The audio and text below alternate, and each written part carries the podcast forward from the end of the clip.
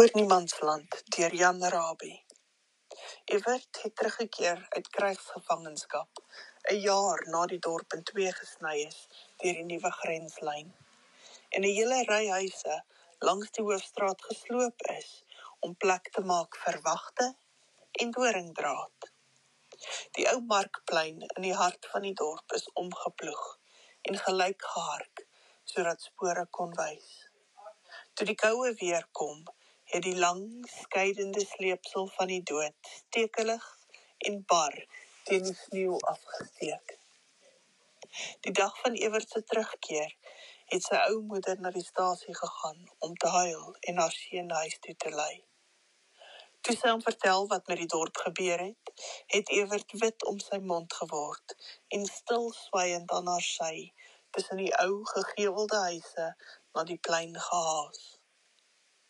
Daar het hy gaan staan met sy somber gesig na die ander kant gedraai. 'n Seun is eendag daar tussen die drade geskiet, het sy moeder gefluister. Na rukkie het sy weer gefluister. Kom huis toe my seun. Kom huis toe. Wat help dit? 5 jaar het hy skor gesê. Ek dog ek kom huis toe om Anna te trou. Kom huis toe, dis koud. Sy moeder het gebewe terwyl sy opgestaar het in sy gesig. So oud en verwese soos hare. 5 jaar het hy dof en stil teenoor homself herhaal. Nog daardie aand, nog die dae daarna, het Ewert weer van haar gepraat. En sy moeder het haar naam nie eenmaal genoem nie. Hy het werk gekry in die fabriek agter die stasie. En elke aand op pad huis toe, 'n lang tyd aan die rand van die plein, deur die wintergrysheid na die huise aan die oorkant gestaan en staar. 'n Week na Ewert se terugkeer, het 'n sneeustorm oor die huise neergeslaan. Na sy terugkeer deur die warrelende geelgrys skemer van die strate en terwyl hy net binne die deur staan, vooroorgebo om die sneeuvlokke van sy skouers en hare te skud, het hy nie dadelik die meisie bemerk waar sy self bewus aan sy moeder se sy voor die vuurherd staan en glimlag nie. Toe hy nader kom, het sy moeder gesê: "Evert, jy hoef nie jou jeug weg te smyt nie." Ek het hoor sê Anna is verloof aan 'n ander man. Hy het hulle aangekyk. In skielike woedebewing het hy omgespring en die kombuisdeur oopgeruk en gewys dat die meisie moet gaan. En toe hy dit agter haar sluit, teen sy gitaar aan die muur gestamp sodat dit van die spyker val. Later het sy moeder gesê Die oorkantste mense is sleg. Hulle gooi klippe oor na ons en hulle vloek ons met nuwe name wat hulle aan die ander kant geleer het. En julle begin hulle nou haat. Het haar seun in 'n dowwe bitter stem gesê. Maar hy het sy arms om haar skouers gesit toe sy begin huil. Ek is oud, Ewert, het sy gesnik. Ek sal nie lank meer lewe nie maar sterwe sal draaglik wees as ek eers 'n klein kind in my arms kan hou. Die volgende dag het sonskyn bleek deur die wolke gesukkel. In die strate het die sneeu in 'n vuil papery verander. Maar op die plein het dit skoon en wit geglans. Ewert het vinniger as gewoonlik verby die plein reguit huis toe geloop. Sy oë het gegloei in sy skraal verbeter gesig toe hy die kitaar van 'n muurspyker lig. Hy het geen woord teen sy angstige ou moeder gesê nie. Hy het aan die rand van die plein gaan staan en toe langsaam verder in die diep skoon sneeu gestap tot waar die wagte gestaan en kyk het. Hulle het al gewere dreigend gelig. Ewert het nog nader gegaan in die diep wit sneeu. My meisie is aan die ander kant, het hy stil gesê. Wat daarvan, het een van die wagte gevloek. Sy's jou vyand nou. Hy was afkomstig uit 'n ander provinsie en het sy 2 jaar diensplig gehaat en die mense van die dorp waar hy gestasioneer was met die haat verbind. Ewert het verby die soldate na die oorkantste huise getuur. Ek respekteer mos julle heining, het hy gesê. Hy het sy gitaar omgeswaai en dadelik 'n wysie wat hy vroeër veel gespeel het, omdat dit Anna se lieflingslied was, uit die snare begin slaan. Die wag het weer gedreig. Maar sy maat het gelag en gemeen, "Laat ons sien of sy nog sy meisie is." Ewet het gestaan en speel, met sy oë gefestig op die huise agter die doringdraad wronge.